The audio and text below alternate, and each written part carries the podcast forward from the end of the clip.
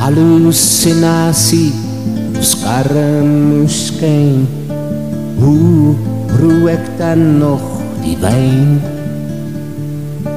hartlikheid klop lui en alles verdwyn en sy is weg. Dan die aanblom geval skaramoe is dit net als paljas? ons ek en sak en nas lei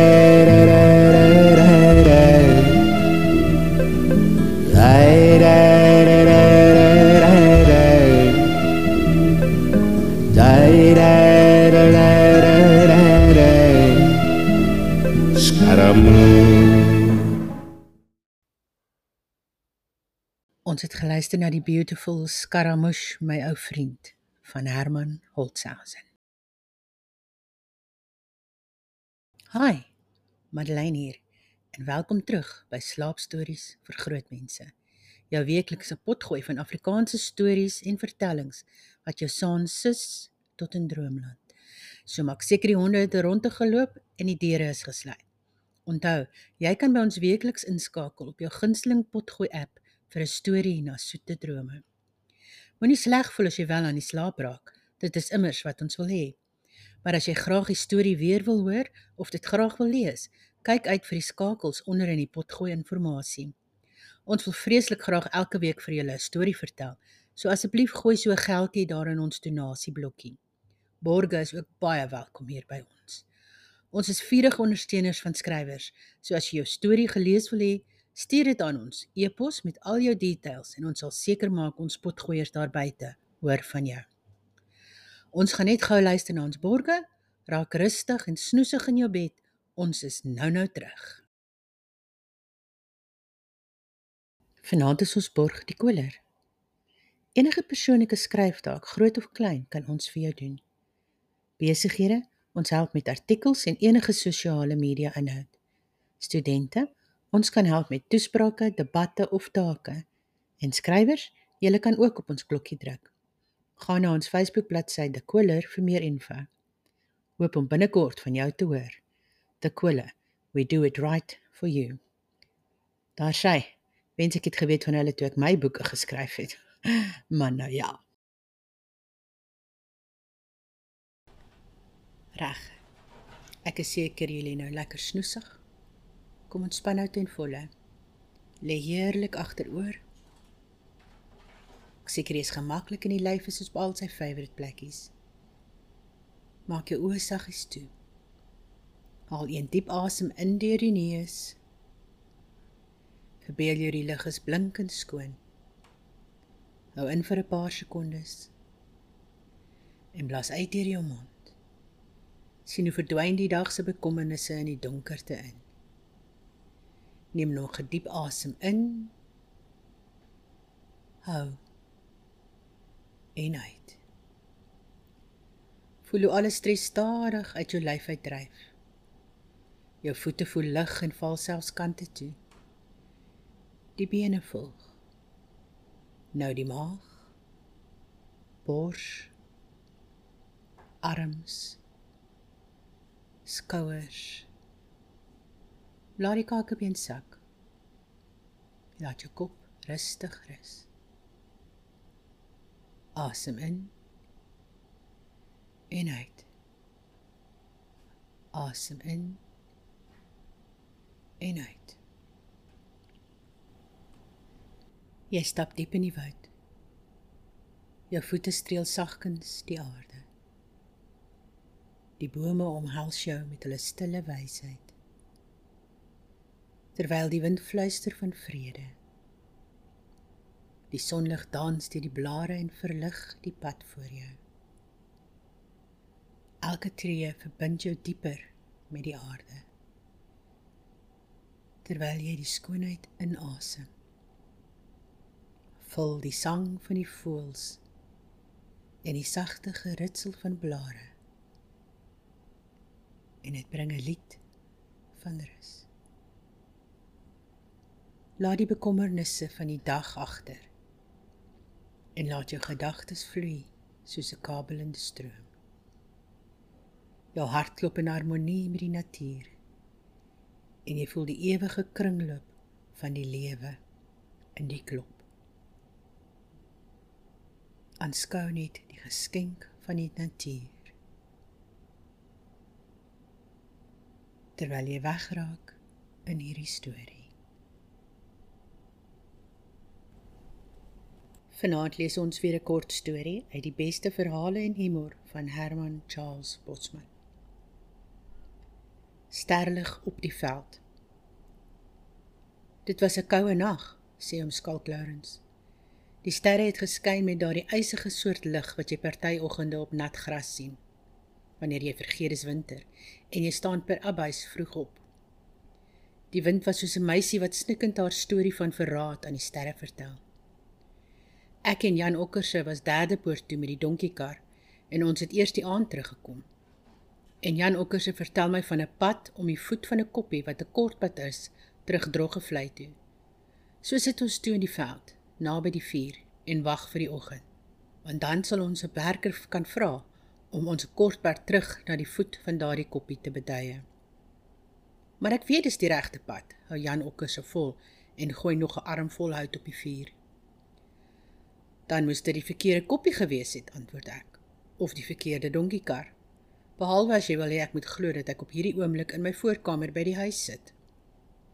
Die vlamme se lig dans bleek op die speke van die donkiekar wiel. En ek is bly om te dink Jan Okkerse kry net so koud soos ek. Dis 'n snaakse soort nag, sê Jan Okkerse. En ek is honger en ek voel ellendig. Ek is daaroor bly. Ek het begin vrees dat hy dit dalk geniet. Weet jy hoe hoog is die sterre? vra Jan my toe. Nee, nie van hier af nie, sê ek. Maar ek het dit een keer uitgewerk toe ek 'n potlood gehad het. Maar dit was op die hoëveld. Van waar ons nou is, in die laafveld, is die sterre verder weg. Jy kan mos sien hulle lyk kleiner. Ja, ek reken so, antwoord Jan Okkerse. Maar 'n onderwyser het my in die kroeg op Ceres iets anders vertel. Hy het gesê die sterrekykers werk uit hoe ver die sterre is, deur te kyk na die aantal jare wat dit hulle vat om dit in hulle teleskope te kry. Daardie onderwyser het sy vinger in die brandewyn gesteek en 'n klomp prente en goed op die kroegtoonbank geteken om my te wys hoe dit gedoen word. Maar een deel van sy tekening het altyd opgedroog voordat hy klaar was om die ander deel van met sy vinger op die toonbank te reken. Hy het gesê dis die ergste van daardie soort droë brandewyn. Maar hy het nie sy verduideliking klaar gemaak nie, want die kroegmeisie het alles met 'n lap kom afvee. Toe sê die onderwyser ek moet saamkom, dan sal hy die swart bord in die ander klaskamer gebruik. Maar die kroegmeisie wou nie toelaat dat ons ons glase in die privaat kroeg invat nie, en dit was ook min of meer toe dat die onderwyser neergeslaan het. Klink vir my na een of ander daardie nuwe soort onderwyser, sê ek. Die soort wat kinders leer dat die aarde om die son draai. Ek is verbaas hulle het hom nie afgedank nie. Ja, antwoord Jan Okkerse. Hulle het. Ek was net so bly om dit te hoor. Dit het gelyk of daar 'n watergat naby ons uitstaanplek kon wees, want 'n paar jakkalse het droefgeestig begin chunk. Jan Okkers het opgespring en nog hout op die vuur gepak. Ek hou nie van daardie wilde diergeleide nie, sê hy. Dis net jakkalse Jan, sê ek.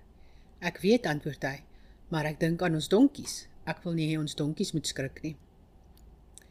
Skielik kom daar 'n diep gegrom uit die donker bos en dit klink ook nie na 'n besondere droefgeestige gegrom nie.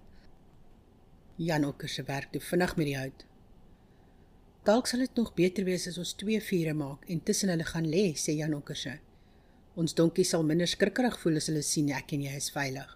Jy weet hoe 'n donkie se kop werk. Die lig van die vuur skyn flou op die geraamtes van die hoë bome wat deur die reismure gevreet is en ons het gou twee vure aan die gang.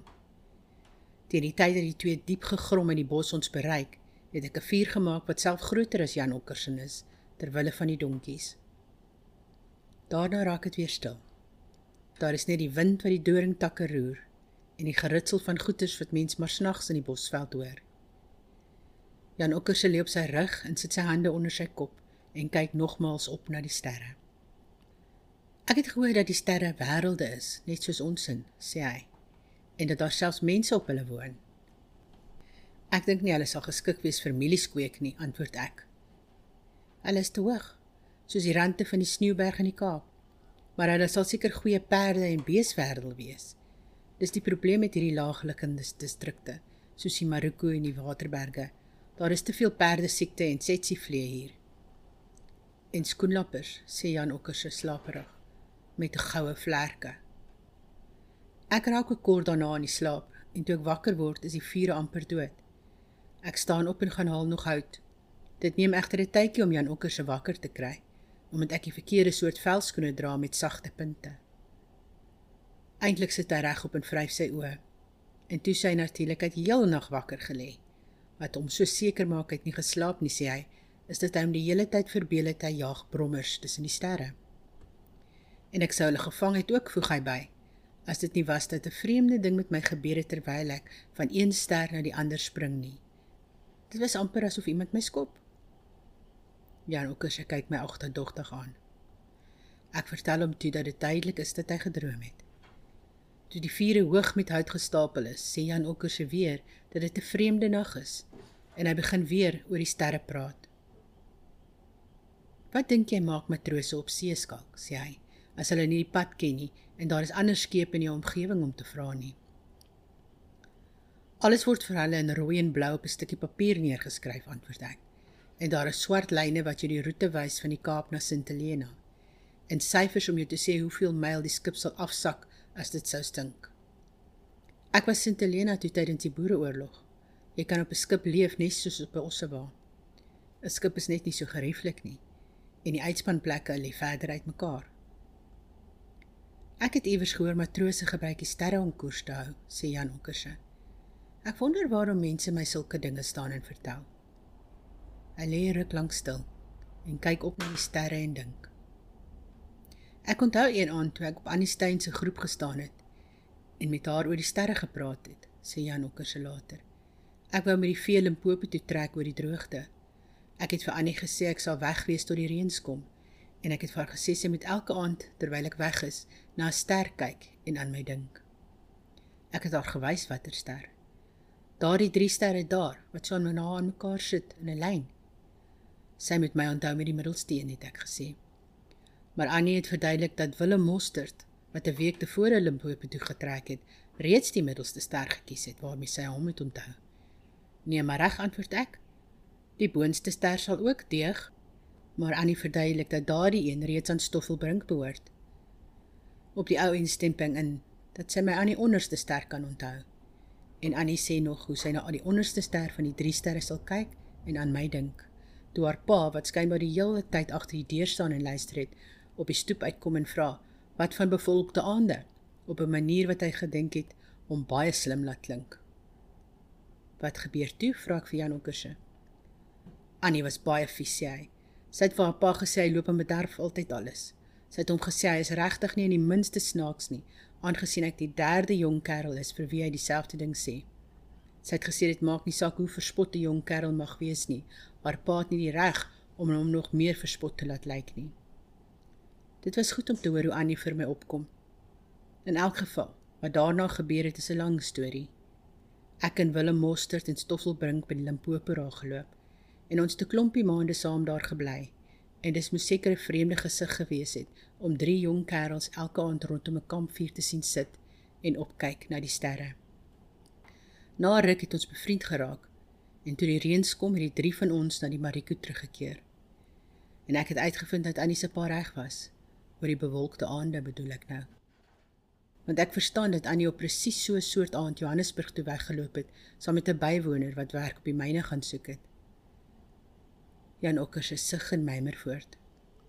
Maar so tussen die gesels en geslaap deur, glip die meeste van die nag verby. Ons hou teen daardie tyd net een vuur aan die gang en ek en Jan Okker se maak beurte om hout op die vuur te sit. Dit raak baie koud net voor dagbreek en ons bewe al twee. In elk geval sê Jan Okker se nawyle, nou weet jy waarom ek in die sterre belangstel. Ek was 'n jong man toe die dinge gebeur het en ek het baie min mense daarvan vertel omtrent 17 sou ek sê. Die ander wou nie luister nie. Maar altyd op 'n helder nag wanneer ek daardie drie blink sterre op so 'n ry sien, dan kyk ek lank na daardie onderste ster en dit is asof daar iets baie vriendelik is aan die manier waarop dit skyn. Dis my ster daardie voel ek. En sy lig is anders as die ander sterre se lig. En weet jy skalk? Annie Stein het sulke rooi lippe gehad en sulke lang sagte hare skalk. En daar was haar glimlag. Later begin die sterre dorwe raak en ons kry die donkies bymekaar en maak gereed om te vertrek. En ek wonder wat Annie Stein daarvan sou dink as sy moes weet dat al hierdie jare 'n man was wat op hierdie helder aande na die sterre opgekyk het en van haar lippe en haar hare en haar glimlag gedroom het. Maar die oomblik toe ek daaroor nadink, ken ek ook die antwoord. Natuurlik sou Annie Stein niks van Jan Okker se dink nie. Absoluut niks. En Annie was ongetwyfeld reg ook. Maar dit was vreemd om te dink. Ons het 'n hele nag oor die sterre gepraat. En tot op daardie oomblik het ek nie geweet dit was as gevolg van 'n liefdesverhaal van baie lank gelede nie. Ons klim op die donkiekar en begin die pad huis te soek. Ek weet dat die onderwyser in die kroeg op Zeer is, was heeltemal verkeerd, sê Janie Kersop laas.